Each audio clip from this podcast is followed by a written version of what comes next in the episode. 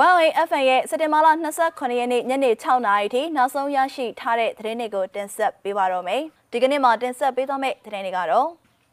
စစ်ကောင်စီရဲ့ခေယံမီးကြောင်များဒီမော့ဆို PDF တင်ဆက်ရမိတယ်ဆိုတဲ့သတင်း။အင်တာနက်သုံးဖို့တနေရာထဲမှာစုဝေးသုံးနေရတဲ့တောင်ကြီးမျိုး။ဖောင်ကြီးအရှိတ်ဘက်ကအုတ်ချုပ်ရေမှုယုံဖုံးပေါက်တယ်ဆိုတဲ့သတင်း။ အမေရိကန်နဲ့သဘောတူညီမှုရပြီးတဲ့နောက်တရုတ်ကိုပြန်ရောက်လာတဲ့ Huawei Company ရဲ့အမှုဆောင်အရာရှိဆိုတဲ့သတင်းအစရှိတဲ့သတင်းတွေကိုတင်ဆက်ပေးသွားမှာပါ။ဦးဆုံးသတင်းကတော့စစ်ကောင်စီရဲ့ခေယံမိကြောက်များကိုဒီမော့ဆို PDF တင်ဆက်ရမိတယ်ဆိုတဲ့သတင်းကိုတင်ဆက်ပေးပါမယ်။အာနာသိန်းစစ်ကောင်စီဘက်ကခေယံမိကြောက်တွေကိုပြည်သူ့ကာကွယ်ရေးတပ် PDF ဒီမော့ဆိုမြို့နယ်ဘက်ကတင်ဆက်ရမိလိုက်တယ်လို့သတင်းရရှိပါရယ်။ ဒီမော့ဆို PDF ရဲ့ပြန်ကြားရေးတာဝန်ခံကဒီလက်နက်ခဲယမ်းတွေကတိုက်ပွဲပြီးတော့သူတို့ရုတ်တရက်ပြန်ဆုတ်ခွာကြတယ်။ရွာရီထဲမှာသူတို့အိမ်တွေတွေဖောက်ထွင်းဝင်ခိုးယူတာတွေရှိတယ်။သူတို့တဲခဲ့တဲ့နေရာတွေမှာကျွန်တော်တို့လိုက်ရှင်းလင်းတော့ဒီခဲယမ်းတွေကိုတင်ဆက်ရမိတာပါလို့ပြောပါတယ်။စက်တင်ဘာလ25ရက်နေ့26ရက်အတွင်းဖြစ်ပွားတဲ့တိုက်ပွဲမှာစစ်ကောင်စီတပ်တွေက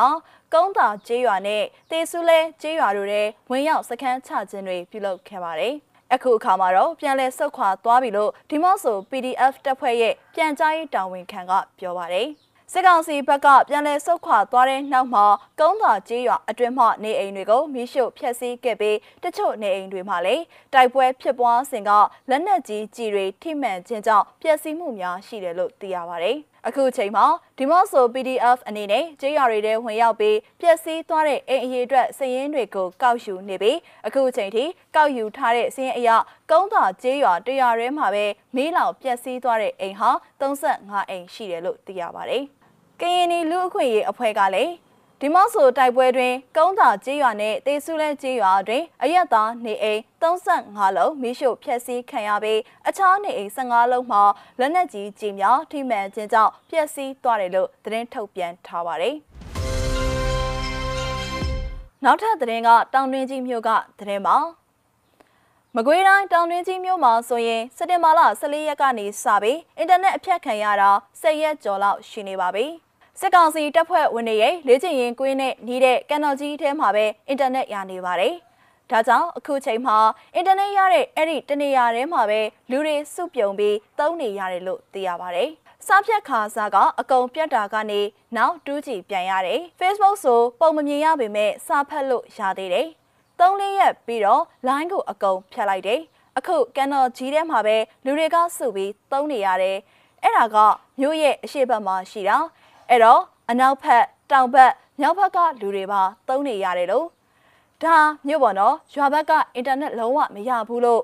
တောင်တွင်းကြီးမြို့ကန်တအူးက BBC ကိုပြောကြောင်းသိရပါတယ်။လက်ရှိတောင်တွင်းကြီးမြို့မှာမနက်6နာရီကနေ12နာရီထိညနေ4နာရီကနေ6နာရီထိတောင်အပြင်ထွက်ခွင့်ရပြီးနေ့ဘက်အပြင်ထွက်ဖို့ကိုကန့်သက်ခံထားရပါတယ်။ဆက်လက်ပြီးတော့ ဖောင်ကြီးအရှိဘက်ကံအုတ်ချုပ်ရေမှုယုံဘုံပေါက်တဲ့တရင်ကိုတင်ဆက်ပေးကြပါမယ်။ရန်ကုန်တိုင်းလှဲကူးမြို့နယ်ဖောင်ကြီးအရှိဘက်ကံကျေးရွာအုတ်ချုပ်ရေမှုယုံဝင်းထဲမှာမနေ့ညကဘုံပေါက်ကွဲမှုဖြစ်ပွားခဲ့ပါတယ်။ည9:20ကအတန်ကြာတာအကျယ်ကြီးပဲအရှိဘက်ကံယုံတဲ့ပေါက်တာလက်လုံမိုင်းထင်နေညီရီကွဲထွက်သွားတယ်လို့တော့ကြားတယ်အထီးခိုက်ဘာညာတော့မကြားမိဘူးလို့ဒေတာကန်တအူးကပြောပါတယ်။ လဲကူးမြို့နယ်ပြည်သူ့ကာကွယ်ရေးတပ်ဖွဲ့ကလည်းဘုံနှလုံးစတိုက်ပောက်ကွဲမှုနဲ့ပတ်သက်ပြီးထုတ်ပြန်ထားပါတယ်။စက်တင်ဘာလ25ရက်နေ့မနက်ပိုင်းကလည်းလှဲကူးမြို့ပြည်တော်သားရက်ကွက်အုပ်ချုပ်ရေးမှုရုံးဝင်အတွင်းမှာပောက်ကွဲမှုဖြစ်ပွားခဲ့ပြီးထိခိုက်ဒဏ်ရာရသူမရှိကြောင်းသိရပါတယ်ရှင်။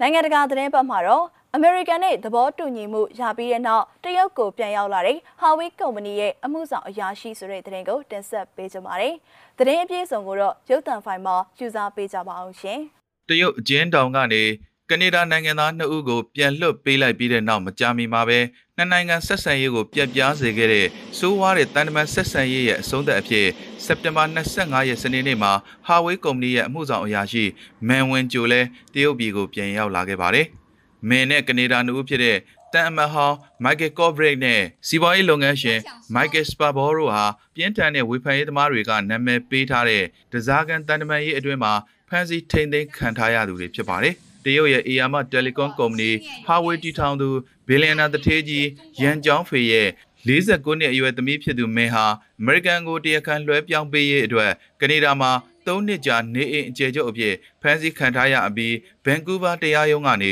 အခုလိုလွှတ်ပေးလိုက်တာဖြစ်ပါတယ်။သူမအပေါ်လိမ်လည်မှုစွဲချက်တွေကိုလောလောဆယ်ဆိုင်းငံ့ထားလိုက်ပြီးနောက်ဆုံးမှာပယ်ဖြတ်ပေးမဲ့အကြောင်းသဘောတူညီချက်တစ်ခုကိုအမေရိကန်ရှေ့နေတွေကကြေညာပြီးနိုင်ပိုင်းအတွင်းမှာပဲအခုလိုတရားရုံးကလွှတ်ပေးဖို့အမိန့်ချမှတ်လိုက်တာဖြစ်ပါတယ်။သူမအချက်ချင်းပဲတောင်ပိုင်းမြို့တော်ရှင်ကျင်းကို လေယာဉ်နဲ့ထွက်ခွာလာခဲ့ပြီး2018ခုနှစ်ဒီဇင်ဘာက US အာဏာပိုင်တွေရဲ့အမိန့်အရဗန်ကူးဗားအပြည်ပြည်ဆိုင်ရာလေဆိပ်မှာဖမ်းဆီးခံလိုက်ပြီးကြတဲ့ကပထမဆုံးအဖြစ်နဲ့တရုတ်နိုင်ငံကိုပြန်လည်ရောက်ရှိလာခဲ့ပါတယ်။ကော်ဇောနီခင်းပြီးခီးဦးကြိုပြုကြတဲ့သူမရဲ့ပြည်တော်ပြန်ခီးကိုဟာဝေးဝန်ထမ်းတွေကလေဆိပ်ကနေတရုတ်နိုင်ငံအလံတွေဝှေ့ရမ်းပြီးဝမ်ပန်းတသားကြိုးဆိုခဲ့ကြသလိုပန်းစည်းတွေကမ်းခဲ့ကြတာကိုနိုင်ငံပိုင်ရုပ်သံ CCTV ကနေတိုက်ရိုက်ထုတ်လွှင့်ပြသခဲ့ပါတယ်။ မင်းရဲ့ပြည်တော်ပြန်ခရီးကိုပေကျင်းနိုင်ငံပိုင်မီဒီယာတွေမှာအမေရိကန်ရဲ့ချုပ်နှောင်ဖို့ကြိုးစားမှုအပေါ်တရုတ်ရဲ့အောင်မြင်မှုအဖြစ်တခန္တနာဖော်ပြခဲ့ကြသလိုဆင်ဝါသတင်းဌာနကလည်းအစိုးရရဲ့အစင်တစိုက်ကြိုးပမ်းမှုကြောင့်အခုလိုသူမှလွတ်မြောက်လာခဲ့တာဖြစ်တယ်လို့ဆိုပါတယ်။ဒီရင်စောပိုင်းကဖန်စီထိန်းသိမ်းခံကနေဒါနှုတ်ဟာအနောက်ပိုင်းမြို့တော်ကယ်ဂရီကိုစနေနေ့ကပြန်ရောက်လာခဲ့ပြီးသူတို့ကိုကနေဒါဝန်ကြီးချုပ် Justin Trudeau ကပွေးဖက်ကြိုးစိုးပုံတွေကိုရုပ်သံတွေမှာမြင်တွေ့ကြရပါတယ်။ မန်ဝင်ကျိုအဖမ်းခံရပြီးရပ်ပိုင်းအတွင်းမှာပဲနိုင်ငံတကာမီဒီယာတွေကမိုက်ကယ်နှစ်ယောက်လို့ခေါ်တဲ့သူတို့နှုတ်ကိုအော်တာဝါအတွက်တူလီယိုလုံးမှုဆွဆွဲချက်နဲ့တရုတ်ကပြောင်ပြောင်တင်းတင်းလက်တုံပြန်ဖမ်းဆီးခဲ့တာဖြစ်ပါတယ်经过一千多天的煎熬，我终于回到了祖国的怀抱。ရပ်ပေါင်းတစ်ထောင်ကျော်ဒုက္ခတွေခံရပြီးတဲ့နောက်မှာကျမအမိမြေကိုပြန်ရောက်လာခဲ့တယ် ပြည်ပမှာအကြာကြီးစောင့်ဆိုင်ခဲ့ရတာကတကယ့်ကိုဒုက္ခတွေပြည့်နေတဲ့ရုန်းကန်ကြိုးစားမှုတစ်ခုပါပဲဒါပေမဲ့လေရင်ဘော်ကဆင်းပြီးမြေပေါ်ကိုရက်မိတာနဲ့ဇာတိမြေရဲ့နှွေးထွေးမှုကိုခံစားမိရင်ပြောမပြတတ်အောင်ပီတိဖြစ်မိတယ်။ကျမပြန်လာခဲ့ပြီးအမိမြေရေးလို့ဟာဝေရဲ့အမှုဆောင်အရာရှိမင်ဝမ်ဂျိုကဆိုပါတယ်။တာမန်ပြည်သူတယောက်အဖြစ်နဲ့အခုလိုအခက်အခဲတွေရင်ဆိုင်ရပြီးပြည်ပမှာ၃နှစ်လောက်တောင်းတင်နေခဲ့တဲ့အတော်တွင်းမှာ ပါတီနိုင်ငံနဲ့ပြည်သူတွေရဲ့ဂရုစိုက်ချစ်ခင်မှုကိုအကြိမ်ပြည့်ခံစားမိပါတယ်။ဥက္ကရာကြီးရှိဟာတရုတ်ပြည်သူအားလုံးရဲ့လုံခြုံရေးအပေါ်ဂရုတစိုက်ရှိသလိုကျမရဲ့ကိစ္စကိုလည်းသူ့စိတ်ထဲမှာထည့်ထားခဲ့ပါတယ်။ကျမခံစားမိပါတယ်လို့သူမကဆိုပါတယ်။လွန်ခဲ့တဲ့၃နှစ်အတိုင်းအတာကိုပြန်ကြည့်ပြီးတော့လူတယောက်ရဲ့ကံကြမ္မာကုမ္ပဏီရဲ့ကံကြမ္မာနဲ့နိုင်ငံရဲ့ကံကြမ္မာတွေဟာနိနိကက်ကက်ဆက်ဆက်နေတယ်ဆိုတာကိုကျမကောင်းကောင်းကြီးသိလဲရတယ်။အမိမြေကကျမတို့ရဲ့အင်အားအကြီးဆုံးအထောက်ပံ့မှာပဲလို့မင်ကဆိုပါတယ်။ Huawei FM ရဲ့စက်တင်ဘာလ29ရက်နေ့ညနေ6နာရီထိနောက်ဆုံးရရှိထားတဲ့သတင်းတွေကိုတင်ဆက်ပေးခဲ့တာပါ။နားဆင်ပေးခဲ့တဲ့အတွက်ကျေးဇူးတင်ပါတယ်ရှင်။